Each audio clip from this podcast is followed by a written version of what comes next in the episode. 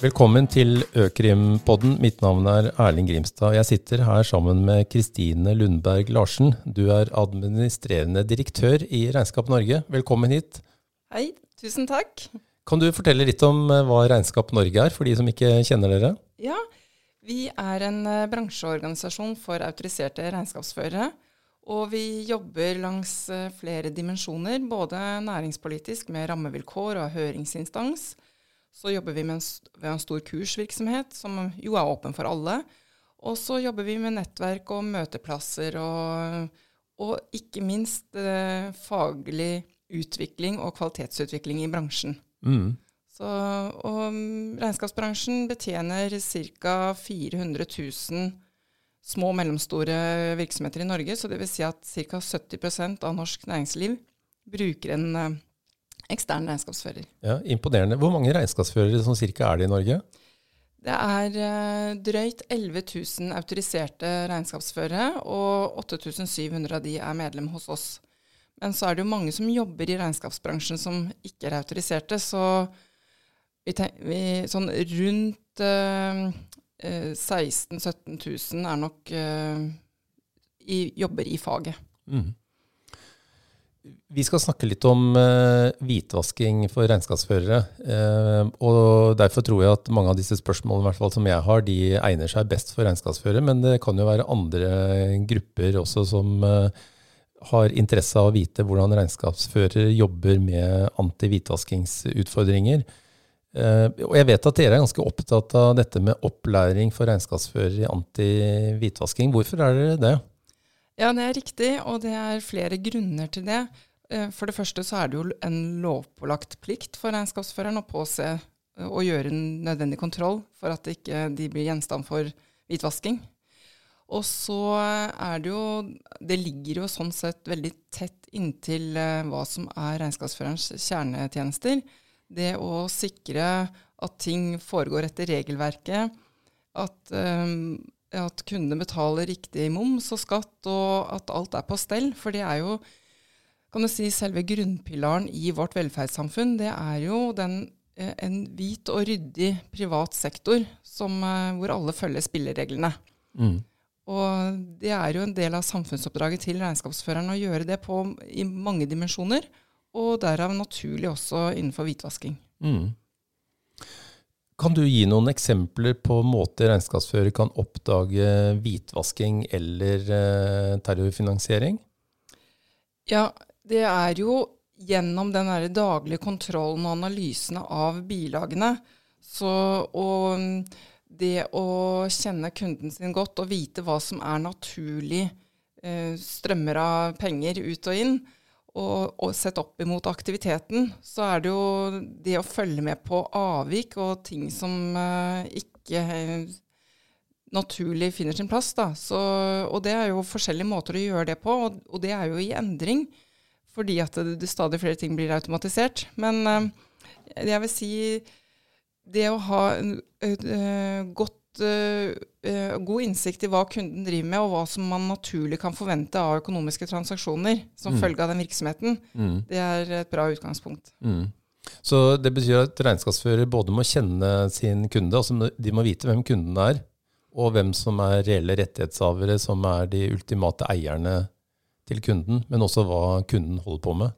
Helt klart. Ja. Så det er helt sentralt å forstå det. Ja. Så hvis eh, eh, f.eks. en eh, virksomhet som er kunde og regnskapsfører, plutselig endrer omsetningen dramatisk, omsetningen dobles i et år med samme bemanning og uten noen nye produkter, så bør regnskapsfører tenke at her er det noe som er på gang.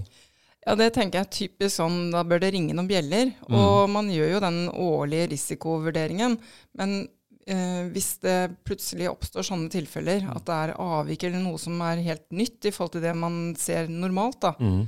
så bør jo det tale for at man gjør en ny risikogjennomgang, tenker jeg da. Ja. ja. Og så kjenner vi jo det fra eh, hvitvaskingsutfordringer og, og, trusler om hvitvasking at eh, dette med fiktiv fakturering er en eh, utfordring, og det er vel noe som regnskapsfører følger ganske tett uh, opp på. Altså Hvis en regnskapsfører har mistanke om at det er en fiktiv, en helt eller delvis uriktig faktura, så slår vel regnskapsfører alarm. Skal, skal ikke regnskapsfører gjøre det? Jo, du kan si det er jo en del av den daglige oppfølgingen og kontrollen. fordi det handler jo også i forhold til skatt og moms og de andre ansvarsområdene som en regnskapsfører skal påse at det er riktig. Så det å følge med på omsetning i forhold til bemanning, eh, hva som er normalt gjennom et år, hvilke tjenester og produkter som omsettes, det, er, eh, det må man ha kontroll på som mm. regnskapsfører. Mm. Så regnskapsfører må virkelig kjenne virksomheten uh, godt. Og det er også et faglig krav ut ifra en faglig standard? Ja, du kan si at det kommer ganske naturlig fordi at for veldig mange små og mellomstore foretak så er jo regnskapsføreren den nærmeste rådgiveren. Mm. Og vi så jo det nå under uh, koronalockdownen, at uh, det var regnskapsføreren veldig mange ringte til med mange typer spørsmål. Mm. Ikke bare at de skulle ha avstemte tall for å gå i banken, men mm. mange, og det viser at uh, det er ofte den personen som et foretak henvender seg til, er regnskapsføreren. Og regnskapsføreren på sin side ønsker jo å være den nærmeste rådgiveren til kundene sine. Og det mm. forutsetter at man forstår uh, både virksomheten til kunden, men også den, de rammebetingelsene og de omgivelsene mm. kunden opererer innafor. Mm. Så for å kunne ha noen formening om uh, utvikling fremover og forstå trender og suksessfaktorer og risikoområder osv. Så, mm. så Så det ligger sånn sett i, i hele oppdraget å kjenne kunden sin godt. Mm. Så ser jeg for meg at det kan jo være noen regnskapsførere som uh, får noen uh, spørsmål fra kunder om hvordan de skal gjøre skatte- og avgiftsmessige tilpasninger. Kanskje spesielt skattemessige tilpasninger som er sånn i en uh, gråsone. Og da er det sikkert viktig å tenke på at hvitvasking gjelder faktisk også skatte- og avgiftsunndragelser. Og at det skal rapporteres. Så der er det også et treffpunkt i forhold til det å være rådgiver som regnskapsfører, vil jeg tro. Absolutt, og det er jo innenfor det etiske regelverket som regnskapsførerne forholder seg til. Og det er jo som du sier, noen ganger kan man komme i en sånn dilemmasituasjon hvor man er den nærmeste rådgiveren til kundene sine, men ser at kunden prøver å tøye strikken i en eller annen retning. Og det opplever jeg i hvert fall når jeg snakker med medlemmene våre, at de er veldig bevisst, og at eh, de har en sånn yrkesstolthet i det mm. at eh, de skal ikke la seg dra ut på noen sånne sideveier, men mm på en god måte veilede kundene sine, sånn at man er godt innenfor loven. Mm.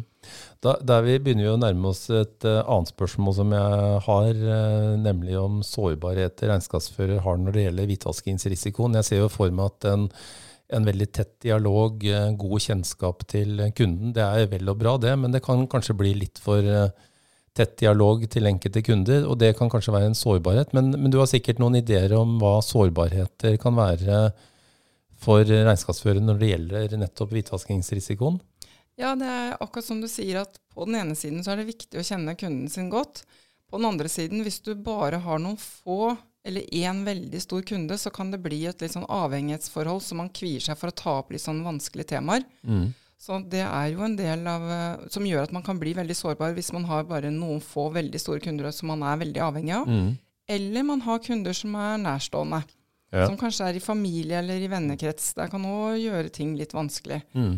Så, så, det er en sånn balansegang der mellom å kjenne kunden sin godt, men også være bevisst på når det blir så nært da, at det kan være en risikofaktor. Mm. Mm. Og så er det lett å i hvert fall tenke tanken om at sårbarheter kan også knytte seg til hvordan kontoret, altså regnskapsførerkontoret er satt opp. Eh, og i de tidene vi befinner oss eh, nå med pandemi, så er det jo mange som jobber fra hjemmekontor. Det er kanskje vanskeligere og en høyere terskel å spørre noen når du er usikker, så kanskje mange regnskapsførere sitter mer isolert alene og gjør, eh, gjør en eh, jobb. Sånn at rutiner og prosedyrer og måten man arbeider på, kan være en sårbarhet også. Kan ikke det? Jo, og det er en veldig viktig del av risikovurderingen i sin egen virksomhet, som jo uh, fører til den vurderingen man gjør, så fører til hvilke rutiner man uh, setter i gang da, mm. for å forebygge.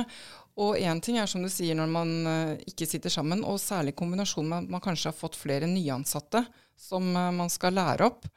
Og også er det jo en trend i regnskapsbransjen med mye konsolidering. Som det er mye oppkjøp og fusjoner. Og hvis man da nettopp har kjøpt opp et selskap eller fusjonert, og så skal man jo bli kjent. Og hvis man da sitter på forskjellige lokasjoner, så det, kan det være en risikofaktor som man må ta høyde for i sine internkontrollrutiner. Mm. Så det temaet vi snakker om, det påvirker direkte prosedyrer og rutiner, og kanskje også kulturen i en eh, regnskapsførervirksomhet? Helt klart. Og i tillegg så kommer det jo også hvilke type tjenester eh, regnskapsføreren eh, leverer til sine kunder. Er det betalingsoppdrag og sånne ting, så kan det jo være også grunnlag for at man bør ha ekstra fokus på internkontrollrutinene sine. Mm. Hvordan eh, tenker du at en regnskapsfører bør beskytte seg mot hvitvaskingsrisikoen?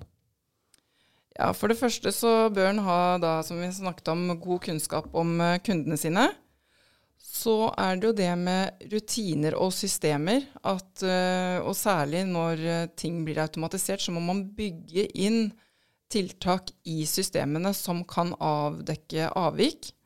Og så er det jo selvfølgelig grundig opplæring, og det er jo spesielt viktig når man får nyansatte eller det er flere virksomheter som slår seg sammen, at man sikrer at alle har god nok kunnskap om forpliktelsene eh, som følger av hvitvaskingsloven. Mm. Vil du si noe om forventninger dere i Regnskap Norge har til regnskapsførere innenfor eh, dette temaet, hvitvaskingsregelverket og etterlevelse av hvitvaskingsregelverket? Ja, vi har høye forventninger til eh, regnskapsførerne når det gjelder etterlevelse. Og det tenker jeg at vi har god grunn til å være. De, vi har det etiske regelverket i tillegg til eh, de formelle kravene. Og det ligger sånn sett litt i yrkesstoltheten og det vi tenker er et kvalitetsstempel for bransjen at man er autorisert regnskapsfører og medlem i Regnskap Norge. Da forventer vi at uh, man er aktsom og ryddig og, og, bidrar til å løse det samfunnsoppdraget. Mm.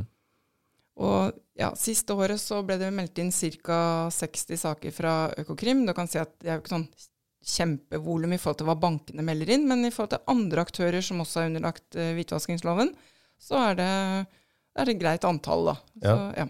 Tror du det antallet vil bli, altså rapporter til Økokrim eh, som følge av mistenkelige forhold, tror du det vil øke eller avta i fremtiden? Jeg tenker at hvis man klarer å innrette de teknologiske systemene på en god måte, så å bruke teknologien smart, da, med kunstig intelligens og robotteknologi, så kan man bli enda flinkere til å avdekke avvik. Så mm. Sånn sett så kan man jo tenke seg at det bør kanskje øke noe. Ja. ja. Og så er det sikkert noen regnskapsførere som også hører på det du har sagt nå, som lurer på hvor kan jeg finne informasjon om hvordan jeg skal etterleve regelverk og trusler og sårbarheter og alt som følger med hvitvaskingsregelverket. Hvor, eh, hva er ditt tips? Hvor skal de gå for å finne kilder til mer informasjon? Ja, Først og fremst så tenker jeg at de bør gå på regnskapnorge.no. Ja, det skjønte jeg du vil si. Ja. og der har vi samlet alle forskrifter og lover og rundskriv. Og så har vi en sånn spørsmål og svar-side. Og, og, fortløpende artikler. Og nå skal mm. vel du også bidra med en artikkel. Ja. Og så har vi det samarbeidet vi har inngått med deg med denne um, appen, ja. uh, som jeg tror blir et uh, bra verktøy mm. for å jobbe med det her i hverdagen. Så mm jeg tenker at eh, å ta utgangspunkt i det som ligger på regnskapnorge.no, så vil man fort bli eh, veiledet til andre sider hvor man kan fordype seg. Mm. Og Avslutningsvis, har du noen oppfordringer til regnskapsfører når det gjelder eh, hvitvaskingsregelverket? Ja, jeg tenker at uh, å fortsette å være opptatt av etterlevelse og være stolt over den jobben uh, hver en regnskapsfører gjør. De har et viktig samfunnsoppdrag ved at de fører regnskap for 70% av norske private virksomheter. Og det å sikre at alt er innenfor lover og regelverk, og at det ikke hvitvaskes svarte penger, det er jo viktig for hele utviklingen for samfunnet vårt. Mm. Tusen takk Kristine Lundberg Larsen for at du kom og delte dine tanker om regnskapsføre og hvitvasking. Takk skal du ha. Tusen takk for meg.